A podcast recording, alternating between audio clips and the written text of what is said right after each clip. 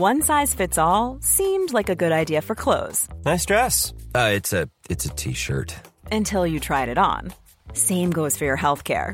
That's why United Healthcare offers a variety of flexible, budget friendly coverage for medical, vision, dental, and more. So, whether you're between jobs, coming off a parent's plan, or even missed open enrollment, you can find the plan that fits you best. Find out more about United Healthcare coverage at uh1.com. That's uh1.com.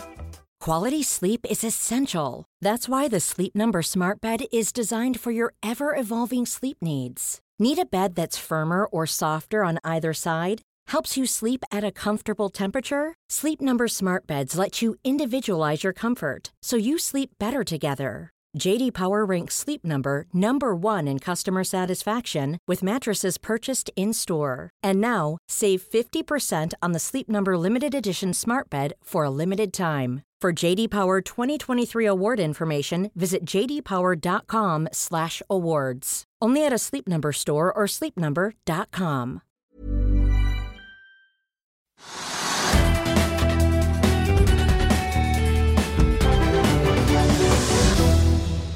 Hei og velkommen til Økonominyhetene. I dag har vi med oss Andreas Thorsheim i anledning at Ottovo er på vei inn i Tyskland. R8 Property er en av de siste selskapene som legger frem kvartalstall eh, denne resultatsesongen. Vi har tatt en prat med sjefen i selskapet, Emil Eriksrud. Vi kan ta med at oljeprisen er opp en knapp prosent til 72 dollar og 22 cent for brentoljen. Lettoljen er også opp tilsvarende, opp til 69 dollar og 21 cent. Bitcoin stiger 2300 dollar til over 50 000 dollar igjen. 50 000 dollar 50 765 dollar. Gullprisen er opp 2 dollar til 1818. Og Oslo Børs den ligger an til å slutte i all time high i dag. Den er opp 1,2% nå til 1165. Tidligere all time high sluttkurs er 1164,58. Så langt i år er da Oslo Børs hovedindeksen opp 19,6% og de siste tolv månedene så er den opp 35,5 Det er ikke så veldig mange store nyheter i dag, Marius, men vi kan ta et par av dem. Norwegian i hvert fall. Ja, dagens mest uh, omsatte aksje, takket være etterdønningen av den store restruktureringen som ble ferdigstilt nå i slutten av mai. For nå har jo ABG og DNB Markets solgt unna en haug med aksjer på vegne av de kreditorene som fikk utdelt det som den lille 5% dividenden de fikk igjen ut av Norwegian-boet. Så det gikk jo for 9 kroner og 30 øre, så det er jo ja, ikke så langt under aksjekursen på rundt 9,70 som vi så nå i ettermiddag. Meglerhusen gjorde en god jobb, da? Ja, det kan virke sånn. Så er jo Aksjen er ned 2,5% nå til 9,58 kroner. Ja, Det er ikke så gærent i hvert fall, for det var ganske mange aksjer. Det tilsvarer jo rundt ja, drøyt 10 av alle aksjene i selskapet. Og så er det jo delt opp i tre runder her. Da. Det første er jo disse aksjene som ble solgt det såkalte strukturerte salget. Og så kommer det en ny runde med aksjer til de som faktisk ville fortsette å eie Norwegian etterpå. Og så har vi en, en siste del med da, som ikke kommer i aksjemarkedet, men som bare blir gjeld som forfaller om noen år. Da. Så de som ikke ville være i nærheten av Norwegian-aksjen, får jo da utdelt disse obligasjonene. Mm. Endur snakka vi litt om i går. De kom i brudd med lånebetingelsene. Og i dag er det en ny nyhet. Ja, og en brutal uke for aksjen, får vi jo si. Sjefen går på dagen. Hans Olav Storkås begynte jo så sent som i januar i år. Han ble jo hyret inn fordi selskapet skulle gå fra ja, de kalte det restruktureringsfasen til vekst og konsolidering. Men nå, ifølge styret i hvert fall, tok han eget, på eget initiativ hatten sin og gikk, etter at de da oppdaget dette lånevilkåret, eller ble gjort oppmerksom på, som de faktisk skrev i børsmeldingen. At de da per utgangen av juni lå over dette taket på, på 4,75% i giring. Kom det som en overraskelse der, eller? Ja, det virket åpenbart sånn. Altså, styrelederen var ganske åpen på det da han snakket med oss uh, tidligere i dag. Han sa rett og slett at vi har åpenbart hatt for lite kapasitet i administrasjonen. Så det er jo ja, en åpen erkjennelse i hvert fall om at det er mye å passe på i Endur om dagen. Mm. Skal ta med at Endur de er, et, er et industrikonsern som leverer løsninger til landbasert og sjøbasert oppdrett. Ja, og vi så aksjen falt jo og først på tirsdag så kom jo da Q2-tallene, og det fikk jo aksjen til å falle en, ja, nesten 5 og så akkurat 16.30 når børsen hadde stengt, så kom jo meldingen om dette bruddet på lånevilkårene. Så falt aksjen 18 da i går, og så ser vi et par prosent fall til i dag. Så en ganske brutal virkelighet for aksjonærene. Men så har vi også sett at som en løsning på dette bruddet med gjelds, altså lånevilkårene, så har jo da investorene garantert nå en emisjon på, på 110 millioner kroner da, til 0,75, så de kom jo inn omtrent på det kursen endte på etter dette kraftige fallet. Ja, aksjene er ned 9,3% til 68 øre. Alle dagens nyheter, gode ESG-kjøp, aksjen som kan stige 50 og om skyhøye gasspriser som gir rekordhøy inntjening. Det kan du lese alt om på finansavisen.no. Vi er straks tilbake.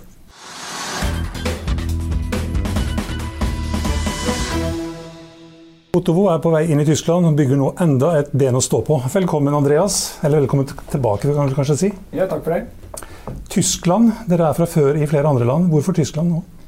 Tyskland er den store premien i eh, solenergi for privathusholdninger. Det er 80 millioner innbyggere, høye strømpriser og det er stor etterspørsel etter, eh, etter solceller. Det er et marked som er på rundt 2 milliarder euro eh, årlig og vokste kraftig inn i de, de siste årene etter å ha hatt noen år i, i dvale. Det, det, er en premie vi må være med å konkurrere om etter at vi har gått inn i land vi føler vi kunne ha billig vekst i. Så er det nå en stor premie som vi er modne for å konkurrere om. Betyr det at det har kontroll i Italia, Spania, Frankrike, Norge, Sverige? Ja, ja det, si, det, har vært en veldig god start. og Vi ser jo at salgstallene for nye land er raskere enn det vi har hatt i gamle. Så jeg, jeg tror det er en læringseffekt Eh, effekt da, som forplanter seg inn i organisasjonen vår og gjør at vi kan gå inn i land eh, med, med, mindre risiko og større sjanse for, for, suksess. Og så har vi tenkt sånn at det er ikke nødvendig å se at ballen går i mål på hvert eneste land. Eh, man må på en måte eh, satse mens man har et, et markedsmoment og en, et, en fordel som, som, kanskje andre kan kopiere. Da er det bedre å ta og kopiere seg selv og komme til Tyskland eh, før noen andre tar posisjoner som er for gode. Hvordan er konkurransen i Tyskland? da? Tyskerne har holdt på med energivennlig i årevis og har jo bygget ut mye solkraft. Eh, kommer dere inn i et marked med mange eksisterende tøffe konkurrenter?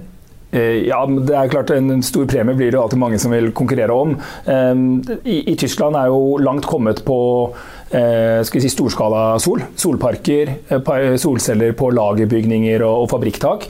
På husholdningsområdet så er ikke Tyskland så veldig langt fremme. I det nederlandske og det polske markedet f.eks. er eh, større per capita, og faktisk noen år større enn det tyske markedet. Men de kjøper litt mindre anlegg og ikke så mye med batterier, så verdien av det tyske markedet er, er jo fortsatt det største. Men det er konkurrenter der. Vi møter E.ON og de store kraftselskapene som har dette som en sidebusiness. Og vi møter en, eh, en lang hale av lokale montørbedrifter som til dels blir konkurrenter, og til dels blir råvaren i vårt produkt. For, for det vi driver med, er jo være en, samler inn montører, vi samler inn montører, og, og vi, er, ja. vi, er, jo, vi er jo e-handelsfronten for lokale eh, montører, så de må vi konkurrere med de som ikke er med oss, og så må vi hjelpe de som er med oss. Men I børsmeldingen i dag så, så ser man jo at uh, i tillegg til å gå inn i Tyskland uh, og ansette ny landsjef, så skal dere også selge batterier her. Uh, noen har jo kanskje sett at Tesla begynte jo med dette for noen år siden å selge sånne ja, store braketter man kan feste på veggen hjemme. De, de er vel rundt en syvendedel av en, et vanlig Tesla-batteri mm. i biler. må batterier til, eller er det mer at dere nå er klare for å ekspandere virksomheten utover den rene solcelleinstallasjonen? Altså, det er ikke noe teknisk krav om å bruke et batteri, ehm, eh, men batterier er bare er så ekstremt bull på batterier i alle varianter. Det er en fantastisk teknologi. Den, eh, den muliggjør eh, å forskyve forbruk og produksjon av energi i tid. Ehm, og det er jo et det er jo et mirakel, det. og, for husholdningen så kan den spare penger både på svingninger i, i strømprisen intradag. Eh, forskjellen på pris med strøm inn i huset og ut av huset. Eh, eller den kan av, måte, kutte forbrukstopper som ville avgjort at du fikk høyere eh, nettleie f.eks. I Tyskland er det mye penger å spare på det. og derfor er... Ja, Fordi prisdifferansen på strømmen er så stor? Alle tingene er til stede. Det er stor prissvingning intradag. Du betaler tre kroner for strømmen inn, men du får bare én krone for strømmen Eh, ut, så du har en prisstift på to eh, kroner. Og den er nok til å rettferdiggjøre batteriets investering i seg selv. Derfor kjøper åtte av ti mennesker som får seg solceller, også et batteri med på kjøpet. Eh, og de økonomiske egenskapene for oss er jo fantastisk bra, for det gjør at handlekurven som folk sjekker ut med på, på otovo.de kommer til å være dobbelt så stor som den er hvis vi bare kjøper solceller, mens kundeakvisisjonskosten ikke stiger like mye. Så da blir det mer margin da, per Altså Batteriprisen er omtrent tilsvarende et ja, solcelleanlegg? Omtrent det samme. Så vi, vi, startet med batterier i Italia nå i, i Q2. Eh, og eh, ble egentlig overrasket over hvor fort eh, det slo inn på PNL-en, og hvor, hvor, bra det var. Så da har vi gjennom sommeren tenkt nå må vi ha batterier i alle land, og i Tyskland så må vi ha det fra start. Og så er det bare et spørsmål om tid før vi får rullet dette her til, til alle markedene våre i løpet av høsten og, og vinteren. Får dere noe altså, det gode gamle favorittordet recurring revenues? altså Får dere noe gjentagende inntekter, abonnement eller eh, provisjon på liksom, driften av disse anleggene? Eller er det fortsatt salg, altså selve salget av solpanelene og batteriet som er business case deres? Kunden kan velge en av to modeller. De kan jo kjøpe det kontant og eie anlegget for seg selv. Da ser vi ikke dem igjen før de eventuelt vil utvide anlegget eller kjøpe mer batterikapasitet. Ehm, eller så kan de kjøpe det på en, eh, på en månedsavtale. Og ca. en fjerdedel av kundene våre kjøper jo dette på et, en operasjonell leasingmodell hvor de forplikter seg til 20 års eh, abonnement. Ehm, og da er det recurring revenue. Da ser vi den hver, hver måned. Vi priser opp på, på inflasjon, og det er jo en portefølje som nå vokser gradvis. Og det her er en liten del av businessen nå, men er jo, det er jo null churn på den. Eh, den priser seg opp hele tiden. Så, som gammel abonnementsmann så liker jeg det jeg ser. For det her, blir, det her blir, kommer til å bli veldig bra etter hvert. Ja, Du har jobbet i Schibsted før, så du kjenner jo godt til avisabonnement. Ja. Eh, ja, så, noe, men, så dere har ikke noe kobling opp mot altså hvis, kunden, hvis strømprisen skyter sånn i været at gevinsten for kunden blir veldig stor en periode, så får ikke dere noe ut av det. Altså, dere har en, enten salgsinntekter eller leasinginntekter som er faste. Ja, du kan, ikke, du kan, ikke, forsyne oss fra alle sider her. Det må være en oppside for kunden, hvis ikke tar de ikke beslutningen. Så økt strømpris, som vi ser i Europa nå, det er jo rekordpriser. CO2-prisen er veldig høy, gassprisen er høy. Det gjør at strømrekorder settes i alle landene vi er. Det slår først og fremst inn på at etterspørsel etter solceller stiger. Så det ligger en sånn litt forsinket effekt i at nå kommer mange folk inn på nettsiden vår. Da blir det flere kunder. Dette blir til installasjoner i Q4 og Q1. Eh, for, for, oss. Så høye strømpriser er bra, men du kan ikke se det i PNL-en samme måned. Det tar litt tid. Hvor mange år må du ha et solcelleanlegg i Tyskland før du kan si at uh, dette er lønnsomt for meg? Altså at Nedbetalingstiden på det, hvor lang tid er den? Det er eh, litt varierende på hvor, hvor i Tyskland du er, men du er på åtte år og nedover. Eh, som regel. Og Det er jo der det, måte, snittet i Europa ligger rundt der. Du ligger kanskje tre-fire år i Spania og Italia, og så er det oppe i ti eh, ca. I, i, i, Norge. Eh, og Det er jo veldig bra det, med tanke på at anlegget varer i 30 år. Så du ligger mellom 20 og 25 år med gratis eh, strøm når dette først er betalt eh, ned. Da. Og det er noe som eh, kanskje var litt sånn tungsolgt i fjor, da strømprisene var veldig lave. Ehm, mens nå så er jo den europeiske forbrukeren på jakt etter alternativer til en strømregning som er, er sjokkhøy. Mm. Ja, det er, ja, er sjokkhøy i Norge òg. Ja, det er nesten så, det er overraskende at ikke dette blir et valgkamptema. For det er jo noen priser om dagen som nesten ikke ligner maken. Det er jo rekord på rekord. Ja. Hvorfor er det så dyrt om dagen, da? Du ja, som er i bransjen. Er, eh, nå er det jo en perfekt eh, storm. Eh, CO2-prisene har jo alle bransjefolk sagt det kommer til å stige etter hvert som kvotemarkedet strammes eh, inn. Dette er en villet politikk fra EU. og eh, det her er på en måte programmert inn. Nå er vi på over 60 euro tonnet. Eh, og det mater jo rett inn i en, et, et, kraftmarked i Europa hvor det er kull og gass på marginen.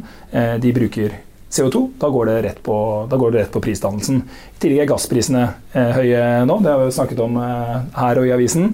Eh, og det, det, slår jo også inn på, på, i, i, markedene. Eh, også hvis vi ser litt fremover til, til vinteren nå. Eh, vi tapper jo ned magasinene i Norge. Det er jo et frampeik på potensielt høye strømpriser i vinter. Og, og, i resten av Europa så er det jo en del både kull og atomkraft som skal av eh, nettet. Og det tar ut tilbudssiden eh, til frustrasjon for forbrukeren, men til glede for meg. ja, ja, altså jeg sjekket på Nordpol-prisene tidligere i dag, og det var jo eh, altså fra 60-70 øre tidligere i august, så er vi nå rundt liksom, en krone kilowatt-timen. Men det er jo før avgifter og alt mulig. Ja. Så da er du fort på 150 på det verste i løpet av en dag. Det er jo priser vi altså Da er vi på Østlandet. Ja, på Østlandet, ja, ja. Kommer det liksom noe fra Molde, så er det halvparten. Ja. så vi må, vi, må, vi må, flytte kontoret seg noe etter hvert. Og tar du Kiel-fergen, så er du på det dobbelte fra det igjen. Så det er klart, her er det jo eh, er store forskjeller, men europeiske forbrukere kommer til strømpriser på 200-300 øre kilowattimen. Men er det her prisen liksom av det grønne skiftet? Er det det vi ser tegnene på, eller er det litt som du sa, bare en perfekt storm akkurat nå? Ja, det, er, det, er, flere ting. Det er klart at hvis, hvis, du tar bort kapasitet før du bygger ny, eh, det er jo en tilbudskrymping, da. Eller i hvert fall som ikke følger med til etterspørselsøkning. Og det er jo, kan i hvert fall si at det er stimulerende for ny sol- og vindkraft. da. Men hva kan du si? Altså, merker dere økt pågang nå i Norge eller de andre markedene dere er, fra folk som ser på strømprisen, får litt panikk og begynner å høre om kan jeg få solceller òg, eller? Ja, vi, altså, vi hadde jo et eh, eh, Vi hadde krymping i etterspørselen i Skandinavia i fjor. Lave, rekordlave strømpriser eh, og korona. I, år er det reversert. I Q2 så gjorde vi 150 salgsøkning fra, fra, i fjor.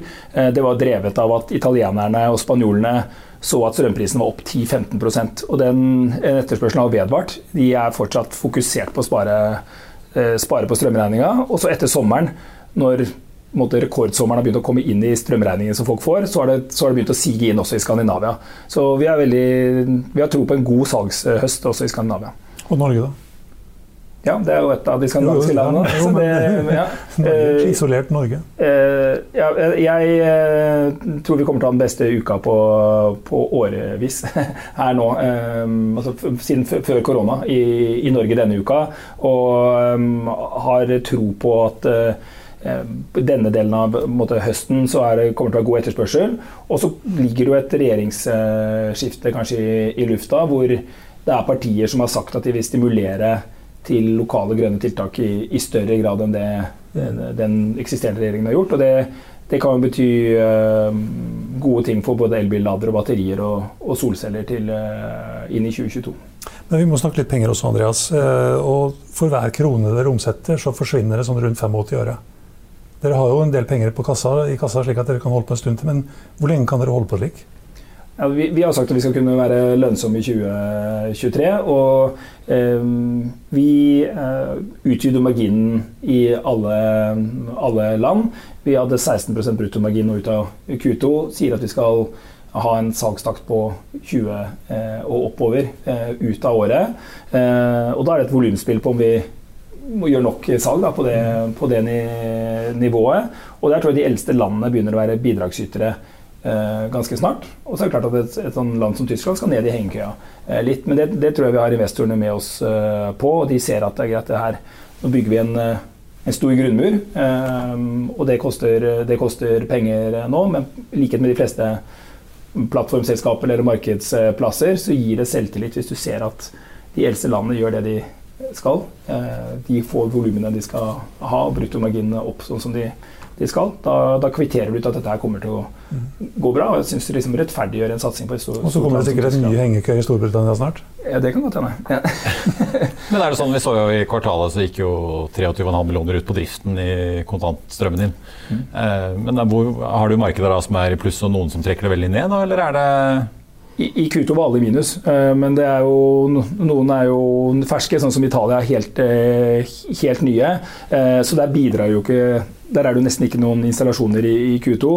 Det, der kommer det jo ikke noe inn, alt er ut. Og så er det modnere markeder som, det, som Skandinavia og, og, Spania, hvor det er et eh, økende installasjonsvolum og, og penger eh, kommer inn. Og så er jeg litt vag med hvor, eh, eh, hvordan hver landsituasjon er. fordi vi møter konkurrenter som gjerne vil vite hvordan det går i, i sitt marked. Eh, og da tenker vi snakker heller eh, totaliteten her ja. enn enkeltmarkeder. Men når er, eh, hvis du ser samlet, da, du snakker om 2023, men altså når er driften din, når begynner den å bidra inn? Selvfølgelig så har du investeringer og finansutgifter, men når er det driften din går, bidrar med pluss i kassen? Ja, men det betyr at i løpet av 2022 så må jo business units, da, enkeltland, begynne å poppe opp over på pluss-sida. For de må ha nok bidrag fra dem til å dekke de landene som ennå ikke er i, i pluss mot slutten av året, starten av 2023. Hvis jeg nå fant ut at jeg nå, nå må jeg installere solceller på taket, hvor lang tid tar det før jeg da kan få det opp, opp i drift? Jeg tenker du kan kjøpe de solcellene om ca. fem minutter. Og så, neste, Rett etter sending så er den inne på PC-en. Ja. Um, og så vil jo det da oppstå som en ordre hos et, et av montørselskapene, det som vant, uh, vant budet på plattformen. Mm. Um, da vil du få en uh, e-post og en SMS hvor du må ta bilde av sikringsskapet ditt. så Det kan du jo sikkert ta bilde av i, i, i, kveld. Så hvis du forter deg, så kan den ordren være effektuert ut til, til montør i, i morgen. Og så vil han legge deg i sin ordrebok, søke nettselskapet eh, om, om, montasje, og så vil du ha det her oppe om en 60-90 dager, litt avhengig av hvor i landet mm. huset ditt ligger. Og så betaler jeg 400 000, hvor mye får du igjen da? Eh, du betaler 100 000, og så, eh, og så 200 000 med batteri? Ja. Ja, hvis du betaler 100 000, så sitter du igjen med noen og 20 000. Okay. Så det koster bare 100 000, altså? Ja, det bare? Ja, det, vil si, det, det, gjør det. Og det er, en, det er, jo en, bøtte med strøm som du har kjøpt for de neste 30 åra. Så har du hedga mot sånne eh, augustmåneder som vi har hatt nå. Eller tørre, kalde vintre med lite vann i magasinene. Og lite vind. Mm. Det har nesten ikke vært noen vind heller i uh, sommer. Nei, det er litt av årsaken, faktisk. Ja. Gudene elsker oss. Tusen takk for at du var med oss, eh, Andreas. Vi er straks tilbake.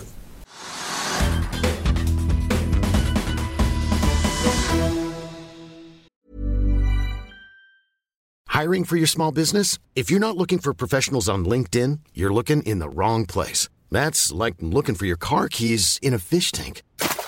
LinkedIn helps you hire professionals you can't find anywhere else, even those who aren't actively searching for a new job but might be open to the perfect role. In a given month, over 70% of LinkedIn users don't even visit other leading job sites. So start looking in the right place. With LinkedIn, you can hire professionals like a professional. Post your free job on linkedin.com slash people today.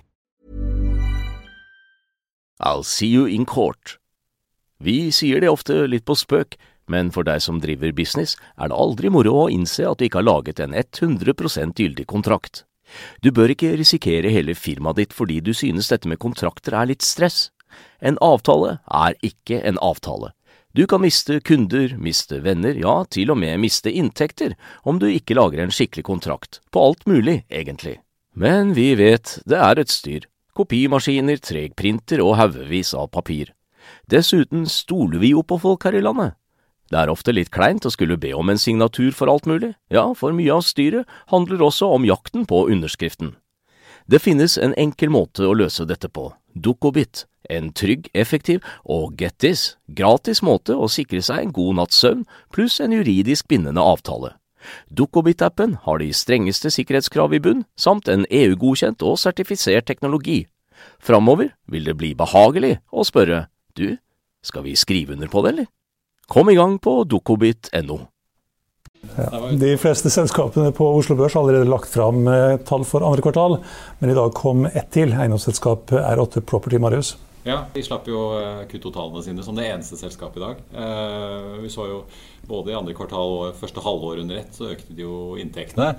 En liten økning i leieinntektene, litt nedgang på forvaltningsbiten. Og så så vi jo at gikk ut, del, gikk ut, en del, penger av kassen i løpet av kvartalet også.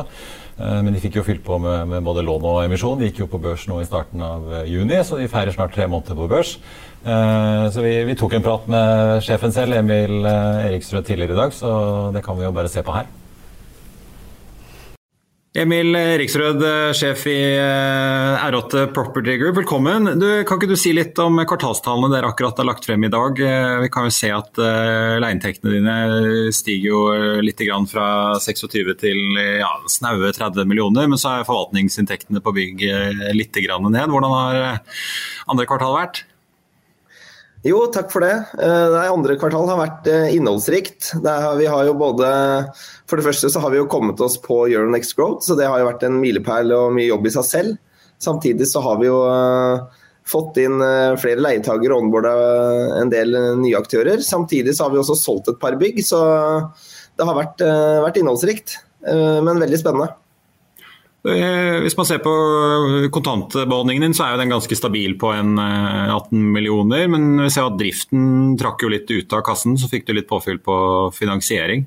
Eh, kan du si litt om eh, hvordan eh, den utviklingen er, og om det blir bedre på driften fremover? Ja da, det, det, et, det, begynner å bli et ganske komplekst bilde hos oss. For det, skjer store endringer hvert eneste kvartal. og det er klart Det kvartalet vi var inne i nå, var jo også det kvartalet vi gikk på, både gikk på børs og gjorde denne emisjonen. og det er klart Eh, vi var, ser vel at vi er direktebelasta ekstra kostnader på ca. 5 millioner i kvartalet knyttet til dette. Samtidig så investerer vi betydelige beløp i utvikling og, eh, av både Orbit, eh, men også Evolve, som vi jobber med å, å, å utvikle videre. Da, dette co-working-konseptet vårt, som vi mener er veldig, som er veldig morsomt å følge i disse dager. Så disse, disse, konseptene drar jo en del likviditet, men vi mener det er veldig viktig for, for helheten. Samtidig så har vi jo solgt et par eiendommer, så vi har fått inn litt cash der. Nedbetalt en del ekstraordinært gjeld. Eh, vi gjorde en emisjon, så vi fikk jo også på plass eh, litt ny, ny kapital. Så det er jo en totalitet der som gjør at, som gjør at vi, vi ligger, kommer ut av kvartalet på, på, omtrent samme nivå som du sier. Så solgte vi også en, en andel av den, det bygget i Inkognito-gaten, altså noen av de aksjene vi eier der. Så vi fikk jo da litt påfyll nå i, i sommer igjen. Så da har vi litt eh, kapital til videre, videre, vekst utover, og ikke minst å følge opp da, disse utviklingsprosjektene våre. Du sier litt om uh, gjelden din. Er du komfortabel med det gjeldsnivået dere har nå? Jeg ser jo Dere ligger jo en, rundt 68% belåning. så Ser man på en, en litt annerledes type aktør, da, Entra de snakket jo i våres om at de lå på um, 36% og vil gjerne opp til 40-45. Uh, så du ligger jo en god del høyere. Er du komfortabel med den gjeldsgraden? Ja da, vi er, eh, vi er komfortable med gjeldsgraden vår. og Vi har jo de siste årene ligget mellom 60 og 75% og Nå ligger vi også i det midtre siktet, som du sier. og Vi er, vei, vi er nok på vei nedover, så vi, vi, skal nok eh, sakte, men sikkert ned mot 60 til 65 um, så er det en veldig stor eh, forskjell mellom Entra og oss. og Entra eier jo eiendom i kun de store byene, hvor direkteavkastningen på eiendommen er, ofte er lav.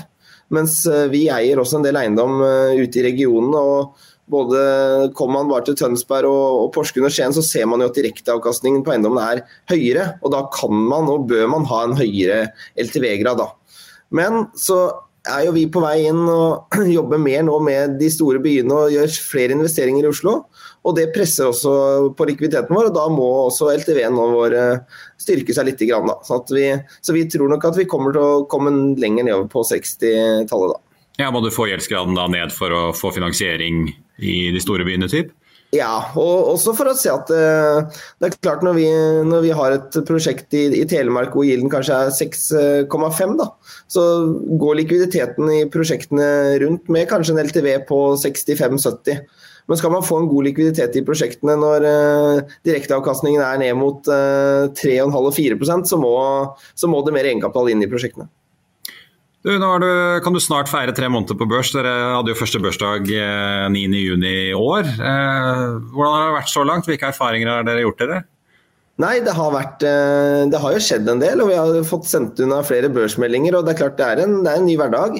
Eh, rapporteringsmessig så har jo vi eh, jobbet etter IFRS og rapportert kvartalsvis eh, nå siden 2017.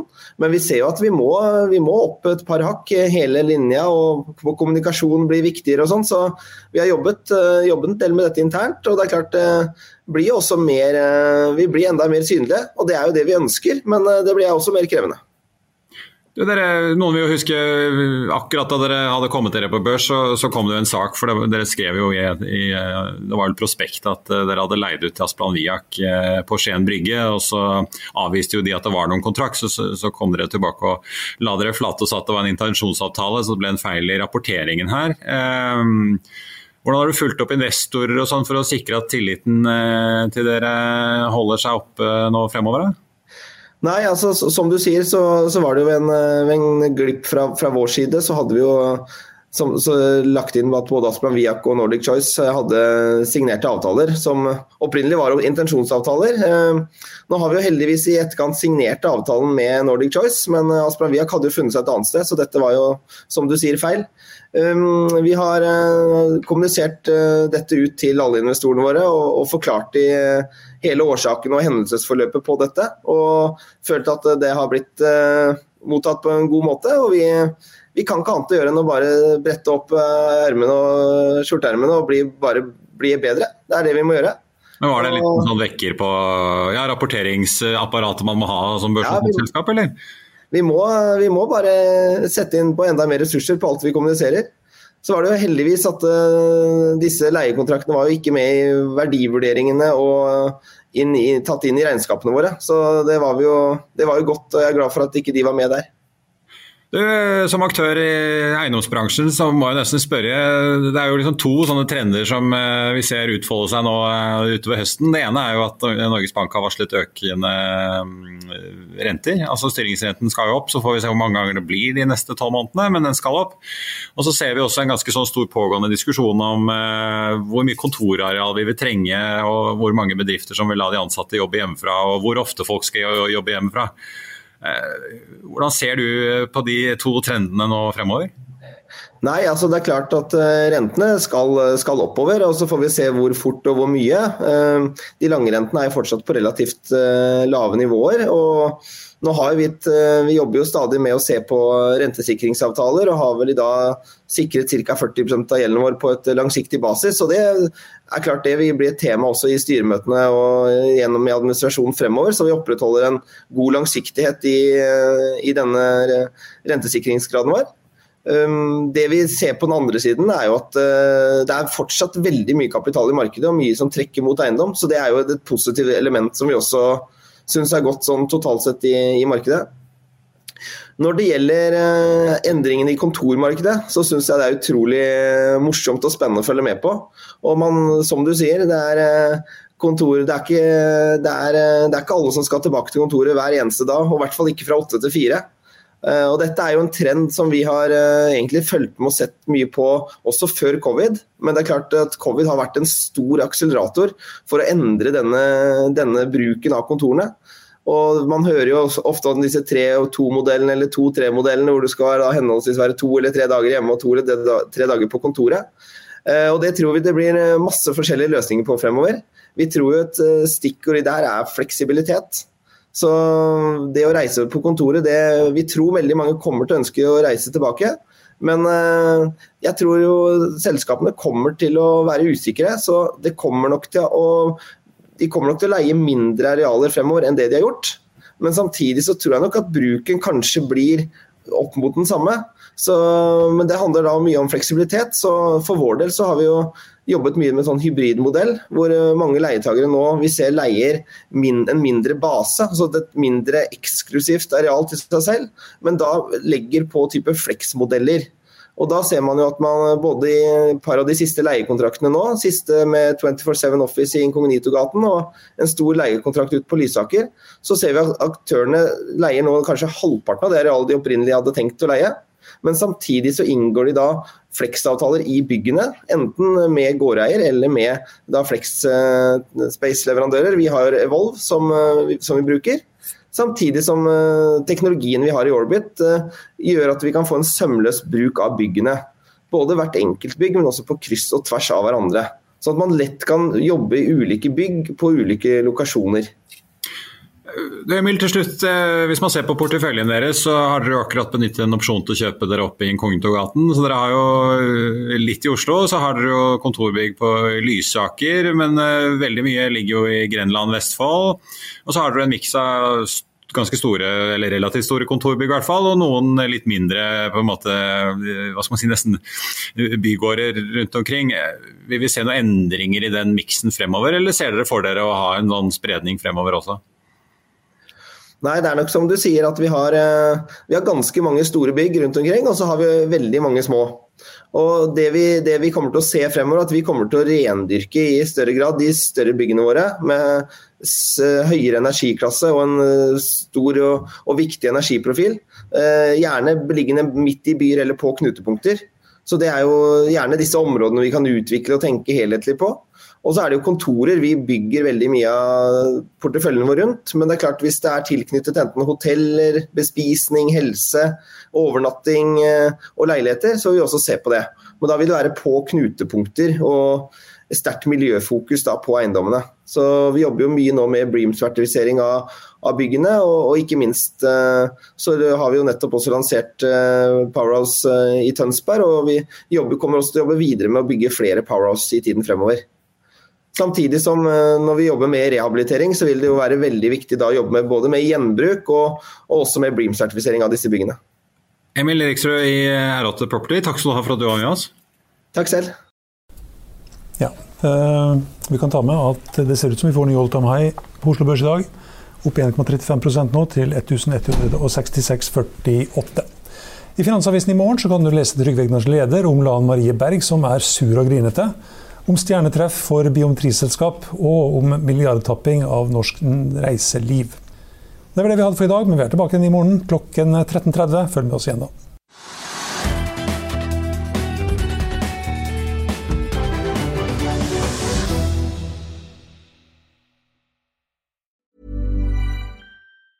Planning for your next trip? Elevate your travel style with Quince. Quince has all the jet setting essentials you'll want for your next getaway, like European linen, premium luggage options, buttery soft Italian leather bags, and so much more. And it's all priced at 50 to 80% less than similar brands. Plus, Quince only works with factories that use safe and ethical manufacturing practices. Pack your bags with high-quality essentials you'll be wearing for vacations to come with Quince. Go to quince.com slash trip for free shipping and 365-day returns. Økonominyhetene er en podkast fra Finansavisen. Programledere er Marius Lorentzen, Stein Ove Haugen og Benedikte Storm Bamvik. Produsenter er Lars Brenden Skram og Bashar Johar. Og ansvarlig redaktør er Trygve Hegnar.